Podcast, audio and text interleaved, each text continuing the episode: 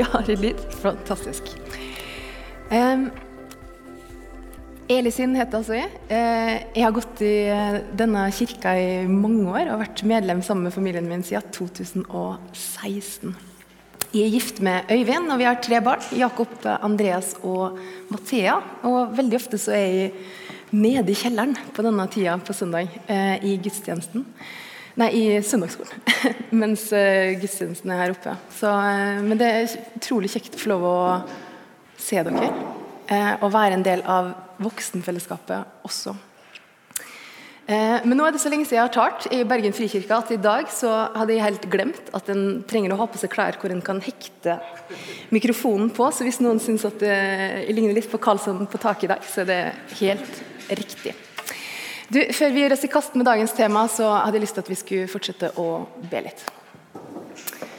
Godfar, jeg takker deg for en ny dag.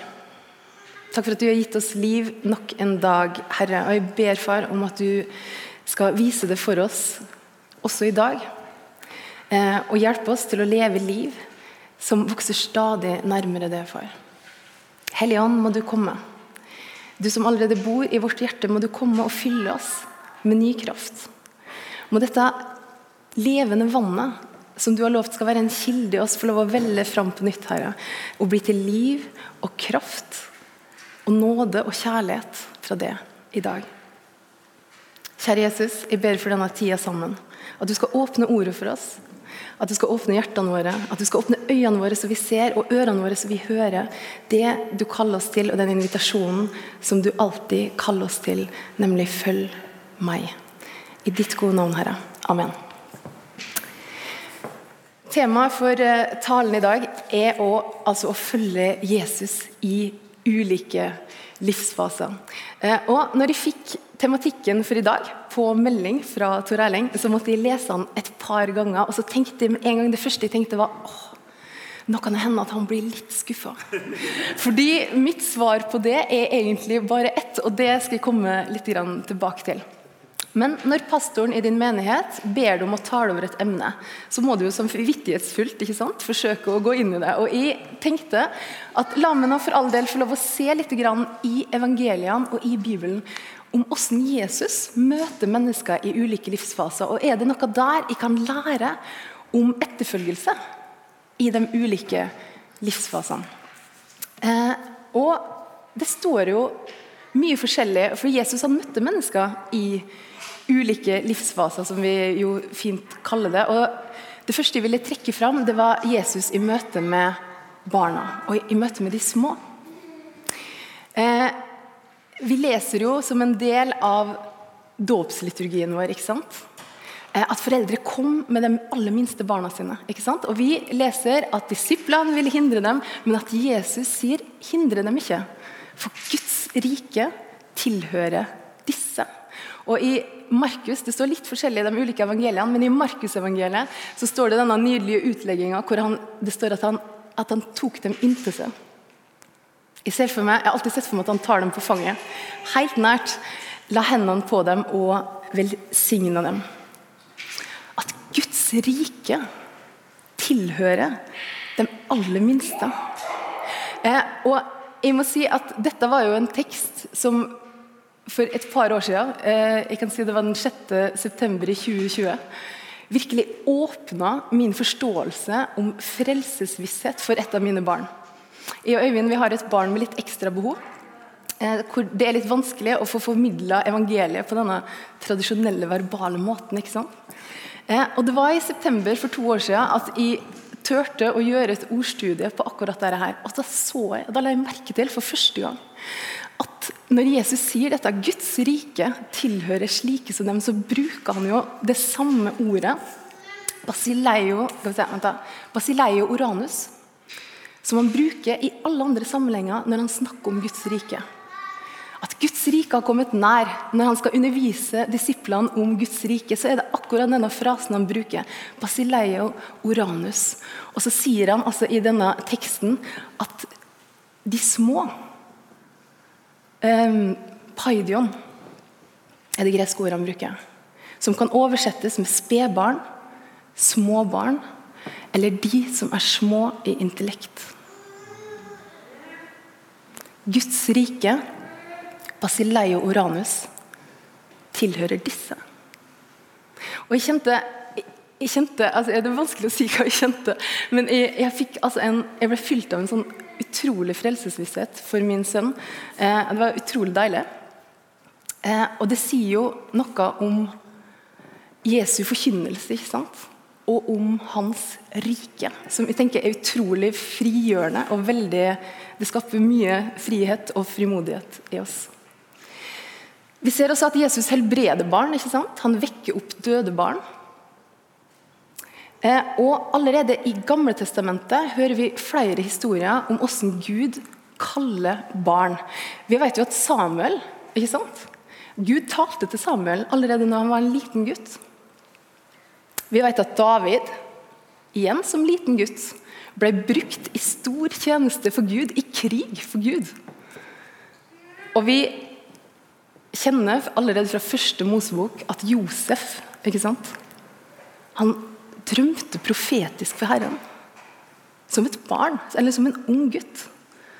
Og det må jo, Er det norsklærere her?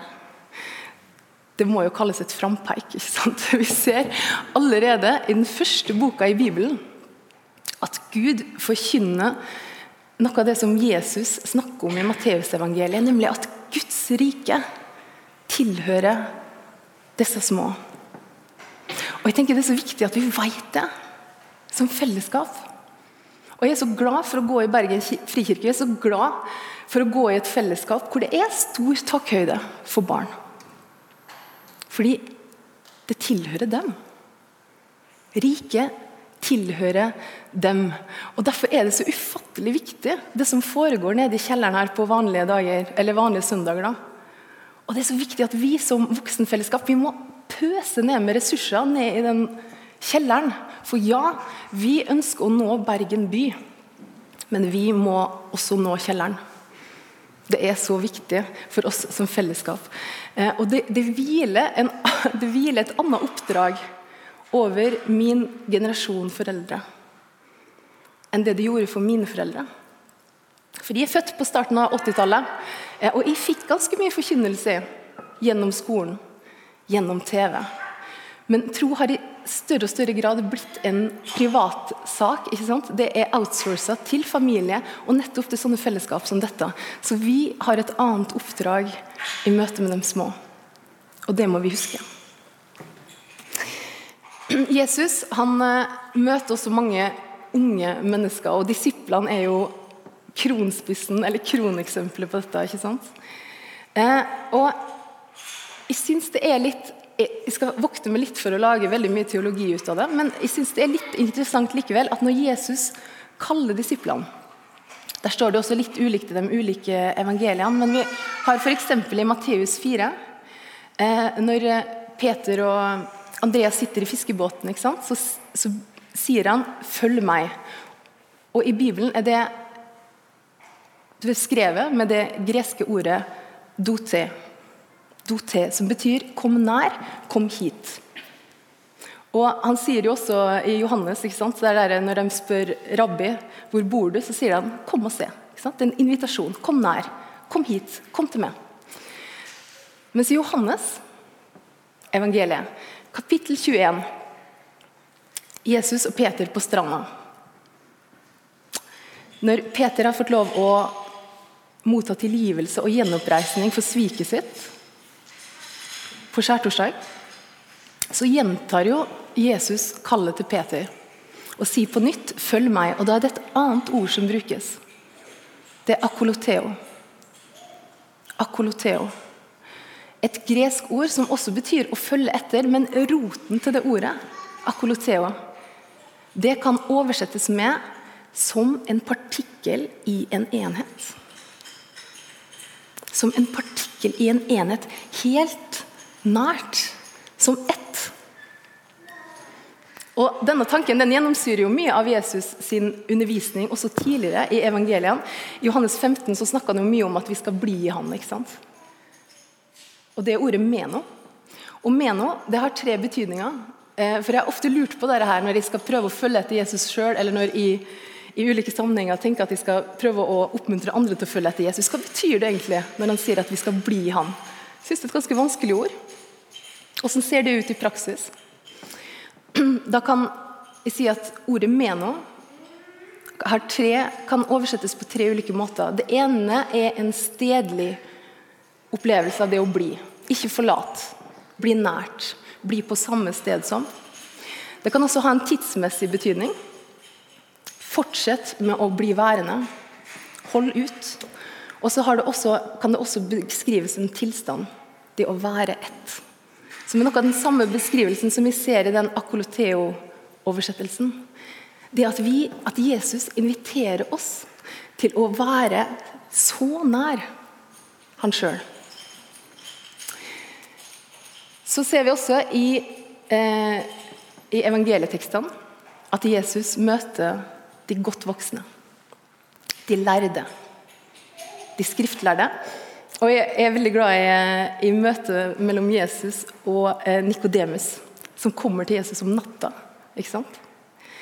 Eh, og Jesus, han, I den samtalen med Nikodemus så gjør han veldig ofte det som han gjør i møte med skriftlærde. Han refererer til ting som er kjent for dem, i historien deres, i den jødiske læren. Og så forsøker han å fortelle om det nye, om hvem han er og hva det er han kommer med. Og I denne samtalen så, så sier Jesus til Nikodemus at en trenger å bli født på ny for å se Guds rike. Eh, og så beskriver han denne kobberslangen som Moses fikk laga i ørkenen. ikke sant? Når israelittene hadde blitt bitt av slanger, så laga Moses en kobberslange som de kunne se på. Og når de så på den, så fikk de leve. Og På samme måte sier Jesus, så skal menneskesønnen bli løfta opp. Og alle som ser han skal få evig liv. Eh, og så sier han, og det er derfor jeg vet at det er Johannes 3, så sier Jesus til Nikodemus For så høyt har Gud elsket verden, at han ga sin sønn den enbårne, for at hver den som tror på ham, ikke skal gå fortapt, men ha evig liv. Den lille Bibel, ikke sant? Først gitt til en skriftlærd. Det vi lærer våre minste nå, ikke sant? Og jeg tror for å gi ham økt innsikt og visdom i det han allerede kanskje kan fra ordet. Og Vi ser flere sånne møtepunkt. ikke sant? Vi, vi hører bl.a. når eh, fariseerne irriteres over at Jesus helbreder på sabbaten. Disiplene hans overholder ikke fastereglene for sabbaten, ikke sant? Eh, og de begynner å murre til Jesus. Eh, så sier Jesus det er barmhjertighet jeg vil ha, ikke offer.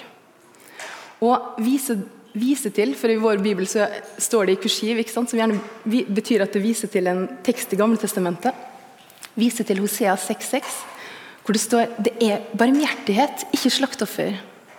Det er gudskjennskap, ikke brennoffer, som Gud, Herren, ønsker. Når vi, når vi ser på alle disse, Jesu møte med barnet, Jesu møte med de unge, Jesu møte med de eldre, ikke sant? Så ser vi jo at han i det fysiske uttrykket relaterer litt ulikt. Men jeg hører også at hensikten er den samme. I møte med barnet ikke sant? så han prøver å bringe dem helt nær. Han prøver å stadfeste for foreldrene deres at jo, de tilhører. De har identitet og tilhørighet i mitt rike. Og I møte med disiplene er denne læren ikke sant? akoloteo helt nær som partikler i en enhet. Han søker også å bringe de skriftlærde til ny visdom, ny dybde, ny innsikt i hvem han er, og hva han kommer med. Vi inviteres til å se mer. Så når jeg skal tenke på det å følge Jesus i ulike livsfaser, så tror jeg at det handler veldig mye om det samme i de ulike livsfasene. Og Det handler om å legge forholdene til rette, gjøre det som trengs i den livsfasen som vi lever, til å holde oss så nær til Jesus som vi bare klarer. Som vi bare makter. Og så vil de ulike livsfasene kunne gjøre at det ser ulikt ut. Hva som fungerer for deg, f.eks. Hvilken rytme du har Jeg skal komme litt tilbake igjen til det fra mitt eget liv. Men det kan også få konsekvenser for tjenesten vår. ikke sant? At ulike, ulike livsfaser vil gjerne invitere til ulike typer tjeneste. Kanskje også ulike mengder tjeneste. Hvis noen hadde sagt det meg for ti år siden, eller tolv år siden, da, når jeg sto med begge beina mine tungt inne i studentarbeid, syntes det var det gøyeste som fantes på denne kloden. ikke sant? Hvis noen sa til meg at jeg skulle bli søndagsskolelærer en dag, så ville jeg sagt at nei. Det ikke Det er ikke innenfor. Det, som, det må noen andre gjøre. ikke sant? Og så endrer ting seg så endrer ting seg. Og Det er den reisen som vi inviteres til ved å leve. Eh, at nye ting kan komme på. Sånn at livsfasene kan gi oss nye muligheter og nye former og nye uttrykksformer. Men målet for etterfølgelse, tror jeg, er alltid så nært som mulig. Så nært som mulig. Sånn som vi kan få det til. Nå sa jeg kanskje innledningsvis, eller kanskje sa jeg ikke det, at jeg er 41 år. Så jeg har verken livsvisdom eller erfaring til å kunne uttale meg om alle livets faser. Eh, det ville vært veldig håndmodig av meg. Jeg er ikke i nærheten engang. Og det er jo et spørsmål jeg har fundert på sjøl også, i mange år.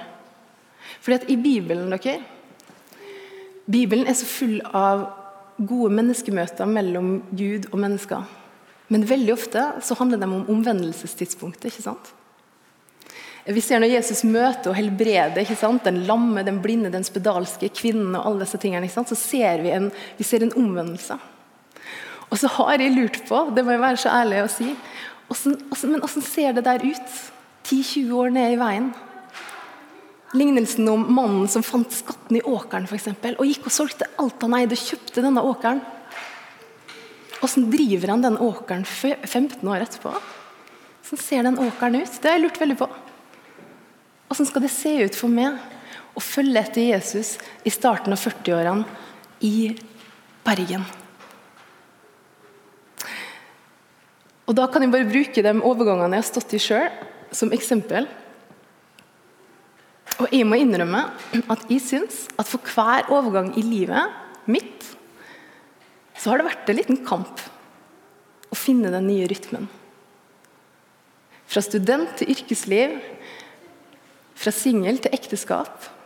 Og så må jeg også si for hvert barn som har kommet inn i vår familie, og på en måte har, har vendt opp ned på dynamikken, og det har blitt nye rytmer og en ny måte. For, for hver av disse endringene så har det vært en kamp for meg å finne den nye rytmen min med Jesus. Eh, og jeg tenker Iblant så kan vi, vi kan ta et godt steg tilbake igjen og skissere en sånn parodi på et livsløp. Barnetid, ungdomstid, studietid, yrkesliv, familieliv for noen. Pensjonisttilværelse osv.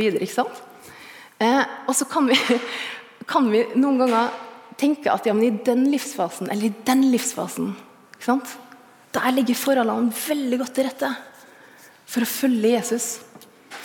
Eh, klassikerne i dette er jo f.eks. dem som nettopp har kommet ut i arbeid. ikke sant?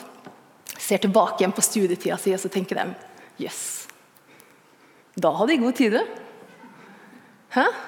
Guri så lett det er å være student. Åh, jeg skulle Hvorfor kan ikke de gi livet sitt til Jesus? liksom? De har jo et hav av tid. Lett å tenke sånn. ikke sant? Eh, men jeg husker veldig godt at de årene hvor jeg jobba med studenter Studenter syns de har det supertravelt. De piskes framover fra eksamen, og det er prestisje, og de skal prestere. Og de syns at livet bare er knallfullt. ikke sant vel? Eh, og Jeg har jo akkurat entra, jeg har akkurat vært i 30-årene, som har bestått veldig mye av veldig små barn. Veldig lite søvn. Eh, og så endte de 40-årene. og En skal jo ikke drive og harselere med, med perioder, men kanskje det er lov i den perioden en er akkurat sjøl. Kanskje. Lite grann. Og jeg kjenner i starten av 40-årene, som 40-årig jente, kvinne, dame, så ser hun noen trender som vi er veldig, veldig opptatt av. Eh, en del av oss er kanskje ferdig med ammeperioden og del, akkurat den verste bleiefasen. ikke sant? Og så ser jeg at det er særlig tre områder som vokser enormt opp i oppmerksomhetslandskapet vårt. Det ene er strikking. Det er Nesten alle jeg kjenner, strikker. Og det er garntyper. og Du aner ikke hvor mye det går an å snakke om strikking. Det andre er hage. Folk jeg kjenner som knapt har hatt en potteplante, begynner nesten med sånn skurtresker. ikke sant? Vi skal kultivere, og vi skal finne nye blomster, nye grønnsaker. Det er en enorm hagebegeistring blant mine jevnaldrende. Og det siste er løping. Halv maraton. Så det strikkes, og det lukes, og det løpes, og sånn holder vi på. ikke sant? Så vi, vi, må ikke la oss forledes til å tro at det er en fase som på en måte nødvendigvis er Det er ikke sånn at når du slutter med amming, så kommer det opp en sånn banner og sier at nå er fasen for Jesus. Sånn vil det ikke være. Sånn vil det ikke være. Det er og Kanskje er det feil å bruke ordet kamp, samtidig som jeg opplever at det er det litt òg. Det er en enorm invitasjon fra Jesus om å få lov å komme akoloteo helt nær.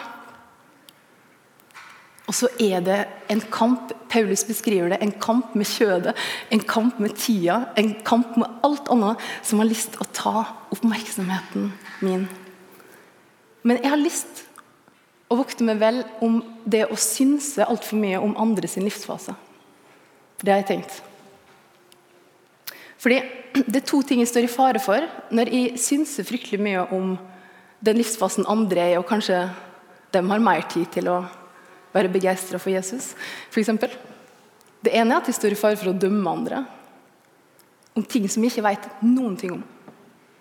50-årene for meg akkurat nå ser ganske sånn forlystelig ut. ikke sant vel? Men da kan jeg ha syke foreldre.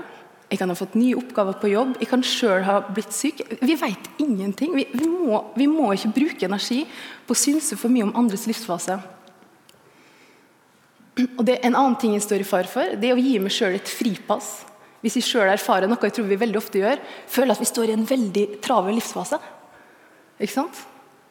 og skue mot andre, så tenker jeg ja, men dem ja, hm, og jeg så, så, kan jeg gi meg sjøl et fripass til å slippe å tenke på åssen jeg kan søke Gud i den fasen som jeg er. Så nei. Jeg har lyst til, jeg har bestemt meg for at jeg har lyst til å bruke fokuset mitt på der jeg sjøl er. Og på å forsøke å øke Jesus der jeg er akkurat nå. Og Da er jo det store, altoverskyggende nøkkelordet mitt for det, det har vært rytme. Det å prøve å identifisere en rytme som fungerer for meg akkurat nå. Jeg ønsker å være som Sakkeus i Lukas 19. Som klatrer opp i et tre på et sted der han tenker Jesus må komme forbi. Det er så strategisk. Det er så strategisk. Sånn har jeg lyst til å være. Og jeg tar til dere, Den ligger faktisk også på podkast en gang i 2020, tidlig 2020, en tale som heter 'Prøvelsens tid'. Og Der delte jeg veldig mange av de tipsene jeg har brukt for å forsøke å finne en rytme i hverdagen min. Så jeg skal ikke bruke masse tid nå på å gjenta alt det, for det blir jo kjedelig for dere. ikke sant? Men det jeg har lyst til å si, det er at jeg driver faktisk fortsatt med det samme igjen. Som det jeg sa den gangen. Jeg prøver å se på åssen hverdagen min ser ut. Hvor jeg befinner meg hver eneste dag. Og så prøver jeg å la det bli minnesteiner, påminnelsessteiner om å søke Gud når jeg er på de stedene. Spise middag gjør jeg hver dag. Levere unger gjør jeg hver dag. Det å gå på jobb gjør jeg hver dag. Da kan det være mine påminnelser om bønn, om å lese, om å søke. Øke Jesus i den rytmen som vi allerede har. Men når jeg skal tenke på det og plassere meg et sted hvor jeg tenker at Jesus må komme forbi, så er det jo særlig det å finne en rytme med ordene hans som har vært veldig viktig for meg. Fordi Jesus han sier at, at hvis vi er i ordet hans, så er vi hans disipler, og at vi skal da få lov å kjenne en sannhet som skal sette oss fri. Så Han sier også at vi skal bli hans ord. Så jeg har på en måte tenkt i min egen vandring at det å finne en rytme med ordet, det er viktig for meg. Men den rytmen den har endra seg mye, og det er nettopp det jeg mener med ulike livsfaser. ikke sant? At det kan se forskjellig ut. Når jeg var student, så leste jeg nesten alltid et kapittel. Det var hovedrytmen min. Og jeg brukte gjerne en sånn 20 minutter til dagen. I den fasen jeg har vært i nå Jeg kan ta senest nå i sommer. Eh, så er jeg en, i en gruppe eh, som driver og ja, Vi har litt sånn fokus på dette med å be fra Guds ord. Og da er det ei som heter Renee, som er veldig eh, har prøvd å lære meg litt det der med å bruke Bibelen mye mer aktivt i mine egne bønner. Så I sommer så bestemte jeg meg for at jeg ville bare lese ett vers om gangen. Og Jeg begynte Salme 31. Og så lot jeg ett og ett vers være en bønn for den dagen. Og så leste jeg ikke mer enn det. Det er ganske stor forskjell på et kapittel og et vers. det kan jeg love dere. Men det jeg, det jeg fikk lov å erfare da Jeg skal bare gi dere lese et par vers fra Salme 31. F.eks. i vers 15 så står det Men jeg setter min lit til deg, Herre. Jeg sier, du er min Gud. Og i det verset der så har jeg skrevet i margen tillit og tilhørighet. Neste verset. Mine tider er i din hånd. Fri meg fra fiender som jager meg. Underlagt beskyttelse. Vers 17.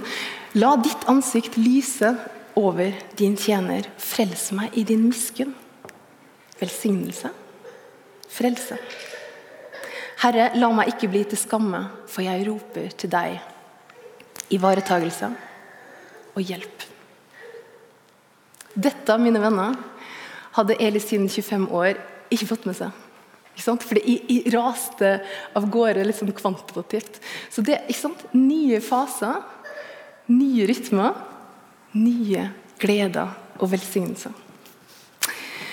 Eh, og jeg må, jeg må, også si at jeg har, hatt en, jeg har hatt en oppvåkning i mitt eget liv de siste årene. I at nettopp kanskje den største og viktigste delen, ikke bare av troslivet mitt, men også av tjenesten min, handler om å holde meg sjøl nær. Å være et menneske som ikke bare brenner for at andre skal la seg prege, men at jeg også skal brenne for å la meg sjøl prege av Jesus Kristus. Um, fordi at Veldig ofte så tror jeg at vi gjør, eller jeg vet at jeg sjøl har, gjort, sånn som disiplene gjør i, i brødunderet i Matteus, 14. Um, ehm, og Det er jo det du, det du står i fare for når du tenker for mye på din på det jeg skal gjøre, og din egen kapasitet. Hvis du har lagt merke til det, i brødunderet, eh, så sier disiplene De er ute i ødemarken, ikke sant? Eh, og så sier disiplene til Jesus Du, det er seint på dag. Send folk ifra deg, så de kan gå og skaffe seg mat. Ikke sant? For vi, vi har bare, vi har bare ikke sant? to fisker og fem brød. Eh, og når jeg leste det i sommer, så tenkte jeg Guri, sånn ber jo jeg òg. Når jeg møter hindringer eller når jeg møter store ting eller store utfordringer i livet mitt, så kan jeg veldig ofte komme til Jesus, sånn som disiplene gjør, og si Send det fra meg. Gud, løs. Det her må du løse. Dette er for mye, eller dette er for vanskelig eller dette er for krevende. ikke sant? Send det fra deg. Og så er det jo akkurat i den situasjonen at Jesus gjør noe helt vidunderlig. ikke sant? Hvor ofte tror dere ikke at vi egentlig prøver å be undrene litt fra oss? Jeg tror jeg har gjort det ganske mye. Fordi det, det er for uoverkommelig for meg. Eh, og det står i fare for hvis fokuset blir for mye på mine begrensninger og den jeg er. Og så syns jeg, skal si avslutningsvis før jeg inviterer dere til noe annet, at det er så nydelig. Du ser så veldig mye av Jesus sin lengsel i etterfølgelse i Lukas 10, vers 20. Og Der står det om når Jesus har sendt ut de 72. ikke sant? Og så kommer de tilbake. Og Dette er jo da en gjeng som da har stått i fulltidstjeneste for Gud. De har drevet ut ånder, de har helbreda, de har gjort store ting for Herren. Og Så kommer de begeistra tilbake til Jesus, og så forteller de Jesus om alt det de har sett og gjort. Og så synes jeg at Svaret til Jesus sier så utrolig mye om hvem han er. For hvis dere tenker etter, Det er utrolig mye Jesus kunne ha sagt til dem. Bare se for det, se for det, Tor Erling. 72 begeistra menighetsmedlemmer som kommer tilbake fra misjonstur og er kjempebegeistra. Da er det veldig lett ville det vært for meg, å tenke nå må vi, nå må vi virkelig gønne på. Nå må vi gjøre enda mer. Nå må vi neste land, bla, bla, bla. Fullt fokus inn i tjenesten. Og så sier Jesus til dem ja, jeg har gitt dere makt til alt dette. Men gled dere over at navnene deres er skrevet i himmelen. Ikke gled dere over at åndene lyder dere. Gled dere over at dere har navnet deres skrevet i himmelen. Når alt er sagt og gjort, folkens, så er det det det handler om. Det handler om hans verk, ikke om mitt. Og det får vi lov å erfare når vi lever ham nær. Helt til slutt så har jeg lyst til å invitere dere inn i et lite tankeeksperiment. og Det er henta fra Hebreerne 12. Eh, og Dette er en øvelse som jeg gjør noen ganger, som jeg eksponerer noen av de jentene jeg er medvandrer for, til å tenke igjennom. I Hebreerne 12 så står det Derfor, når vi har så stor en sky av vitner omkring oss, så la oss legge av alt som tynger, og synden som så lett fanger oss inn og med utholdenhet fullføre det løpet som ligger foran oss, med blikket festet på Han som er troens opphavsmann og fullender. Og det jeg tenkte at vi skulle gjøre nå, og som vi ofte har en mye lengre ramme på, f.eks. en medvandring eller når du gjør det for din egen del, det er at jeg ønsker at du skal tenke på i den fasen av livet og i den situasjonen i livet som du befinner deg akkurat nå, høsten 2022? Hva er det du erfarer tynger deg akkurat nå?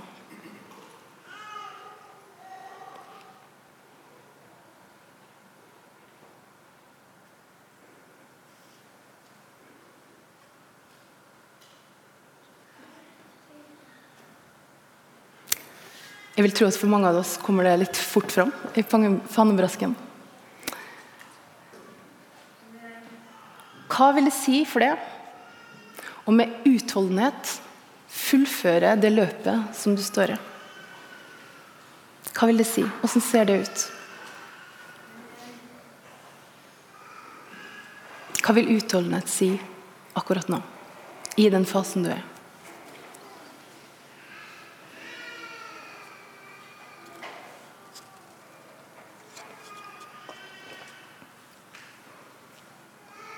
Og så er det den siste, som jeg syns er veldig konkret og veldig spennende. Åssen kan det se ut i ditt liv, i din hverdag, akkurat nå, at du har blikket festa på Jesus? Hva trenger du for å ha det fokuset i livet? Kan du tenke på én konkret ting som enten kan hjelpe deg til å ha det fokuset, eller som kan støtte opp under det fokuset i hverdagen din. En konkret ting. Å holde ditt blikk festa på Jesus Kristus.